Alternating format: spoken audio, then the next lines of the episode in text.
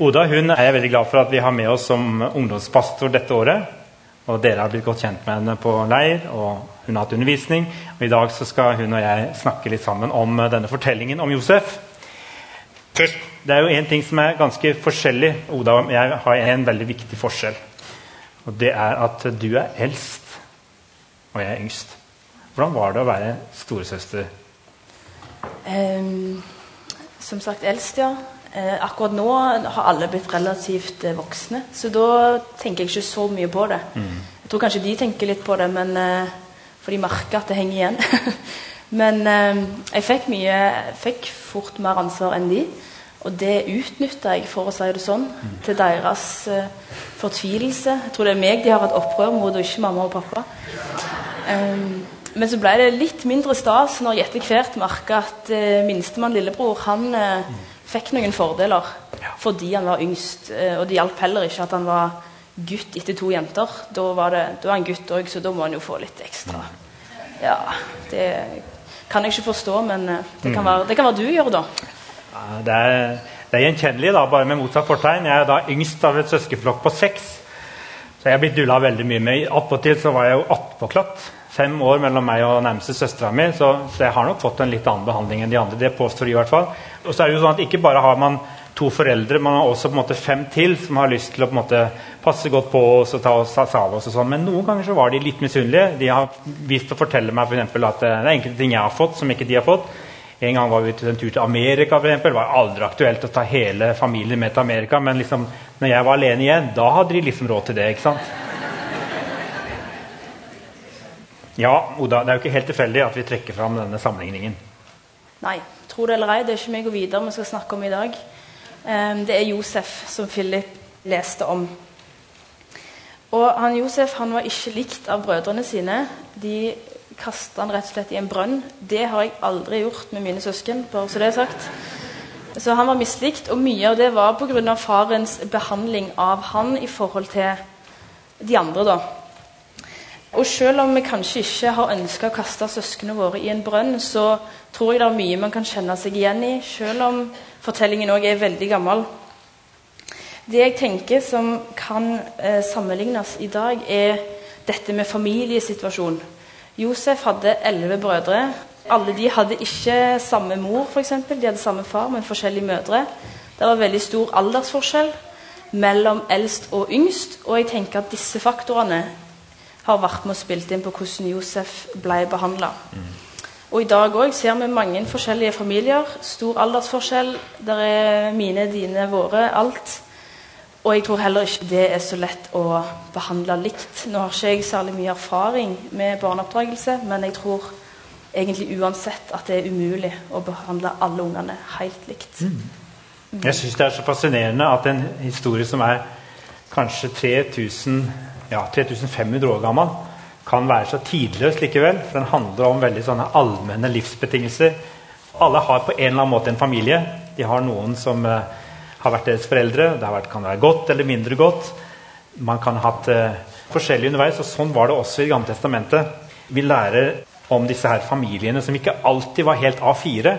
Og det som er litt spennende, det er at opptil flere ganger så er det sånn at disse trosheltene i Det gamle testamentet de bryter egentlig, eller foreldrene deres bryter med det som var forventa. Det er jo ikke bare Josef som er annerledes, men Jakob gjør jo også ting. På samme måte som hans far og bestefar, så favoriserer de Det var greit faktisk å gjøre forskjell. faktisk. Det var greit å favorisere den eldste. Eldste skulle jo arve, og han skulle få overta alt, egentlig. Men gang på gang så sier Gud til disse her at de skal gjøre det på en litt annen måte. Og det framstår jo som veldig urettferdig, fordi det bryter med forventningene.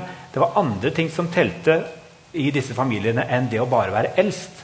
Og Josef, som da er en av de yngste, nest yngst, han er det da som får en mye større oppmerksomhet av faren sin. Og det begynner jo der. Og så er det jo ikke helt sånn at Josef på en måte bare er god.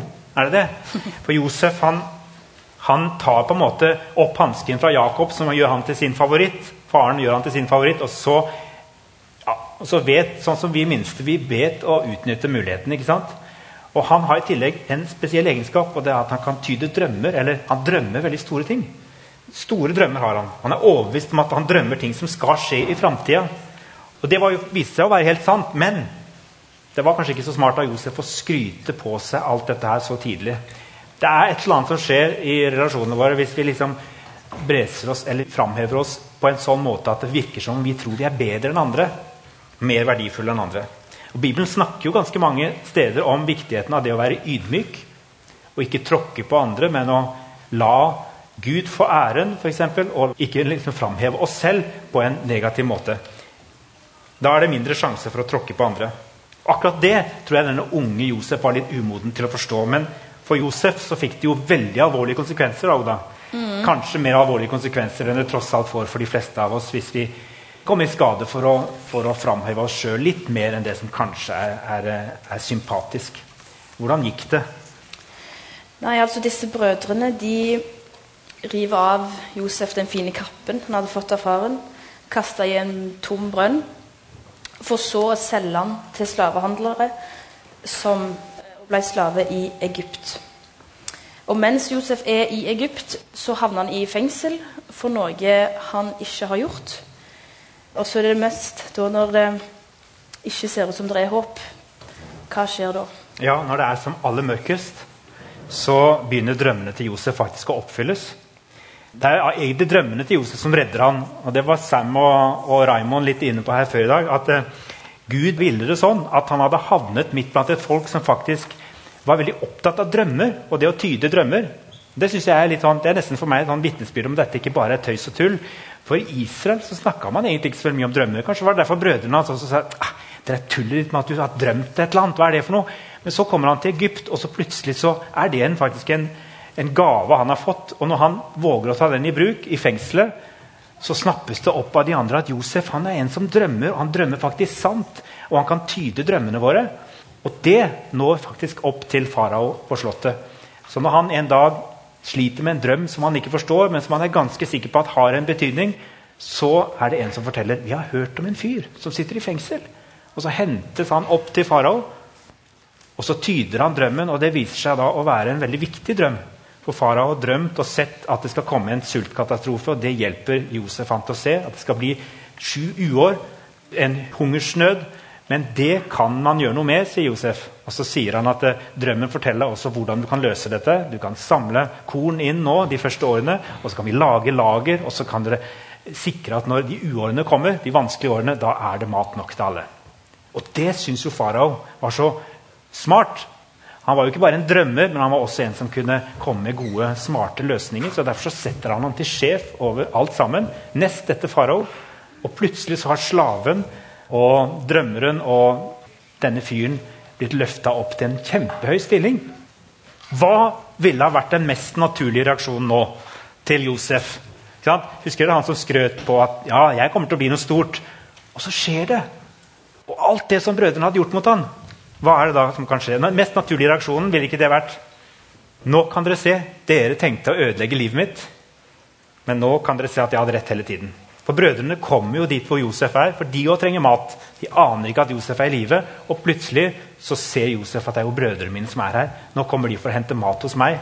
Og hvis ikke jeg gir dem mat, så dør de. Min familie dør. Da kunne han vel i det minste ha sagt Hva sa jeg? Jeg ble stor, og dere ville gjøre noe vondt mot meg, men nå har jeg vist dere. Er det det han gjør, Oda? Absolutt ikke. Det som er både fascinerende og inspirerende, er at Josef reagerer helt motsatt. Brødrene forventer at Josef skal ta hevn, og gjør seg på en måte litt beredt til det. Mens Josefs respons den er tilgivelse. Han sa til dem, som det står i 1. Mosebok 50-20, Dere tenkte å gjøre ondt mot meg, men Gud tenkte det til det gode. Og Her ser vi en slags endring i Josef òg. Fra å være skrytepave så gjør han seg ydmyk og setter Gud øverst. Han sier at det er ikke hans jobb å dømme det brødrene har gjort. Det tar Gud seg av. Sånn var det. Forholdet mellom foreldre og barn og mellom søsken det kan være noe av det aller vakreste som fins. Men det kan også være noe av det vanskeligste. Det kan være, der, det kan være hjemme med foreldre og søsken. Vi kan ha noe av de vanskeligste opplevelsene i livet. faktisk. Jeg håper ikke dere har det sånn at dere er i nærheten av å være utsatt for sånne ting som Josef ble. Og vi skal ikke liksom komme med enkle løsninger på hvordan man løser opp i familiekonflikter og vanskelige ting. Denne fortellingen kan gi oss noen, noen, gode idealer, men det er jo ikke sånn at det bare er en quick fix hvis man sliter med vanskelige ting i familiene sine. Men jeg syns det er fascinerende at Bibelen ikke forsøker å idealisere sånne familierelasjoner. Den tegner ikke bare noen fortellinger om ting sånn som da, sånne englefortellinger. Som, og da stoler vi kanskje ikke helt på dem heller, men den forteller faktisk ting som virkelig vi kunne gjenkjenne i våre liv. og Derfor så tror jeg også dette faktisk har skjedd. Denne fortellingen forteller også en annen historie. Og jeg tror det er tre ting som vi kan ta med oss som jeg tenker på sånne læresetninger fra fortellingen om Josef. Det er sikkert mye annet også, men jeg har plukket ut tre ting som vi tar med oss nå som avslutning på denne talen. Og De får dere opp på skjermen, sånn at dere kan prøve å huske dem. For det første, det går an å bryte med det som har vært vondt i fortiden vår. Det er faktisk mulig å bryte med en vond fortid. Det sier Bibelen noe om. Josef han kunne velge å gjengjelde det vonde med mer vondt og hevne seg. og I stedet så valgte han tilgivelse og kjærlighet. I mange situasjoner så kan akkurat det virke helt umulig. Når det framstår som helt umulig for mennesker, så er det likevel mulig for Gud. Og Det er det som er det andre viktige jeg vil dere skal ta med fra denne fortellingen. Det er at vi får lov til og det er egentlig en gave til oss. Vi får lov til å overlate dommen og rettferdigheten til Gud. Vi skal slippe å ta det ansvaret og sørge for selvfølgelig Rettsvesenet kan gjøre sånne ting, men jeg tenker i det store hele når det handler om liv og død, og de store spørsmålene, så skal vi få lov til å overlate dommen til Gud og si du er rettferdig, Gud. Da har du også en løsning som gjør at, at jeg skal slippe å bekymre meg for at på en måte ikke ting blir rett. Det skal jeg som menneske slippe å bry meg om. Og det hadde Josef skjønt. Og Derfor hadde han også skjønt det siste som er viktig om denne. her. For Gud kunne forvandle en fryktelig historie til å bli del av sin store frelsesplan. Det er kanskje litt uvanlig, men jeg tror egentlig at veldig mange mennesker til alle tider har kunnet erfare det at det som virket fullstendig meningsløst, det gir ikke alltid noen mening, men Gud kan på et eller annet vis ta med seg sånne brutte og stygge og forferdelige historier, og så kan han bruke det som en slags sånn redskap i sin store plan for å frelse mennesker. Og Det å være nysgjerrig på det istedenfor bare å tenke at jeg har forferdelige erfaringer med i livet, og det er ingenting, det er bare grusomt. Okay, men ok, Gud, du har tillatt at dette skjedde. Hva kan det nå bety i min historie? For at mennesker kan få lov til å bli kjent med deg.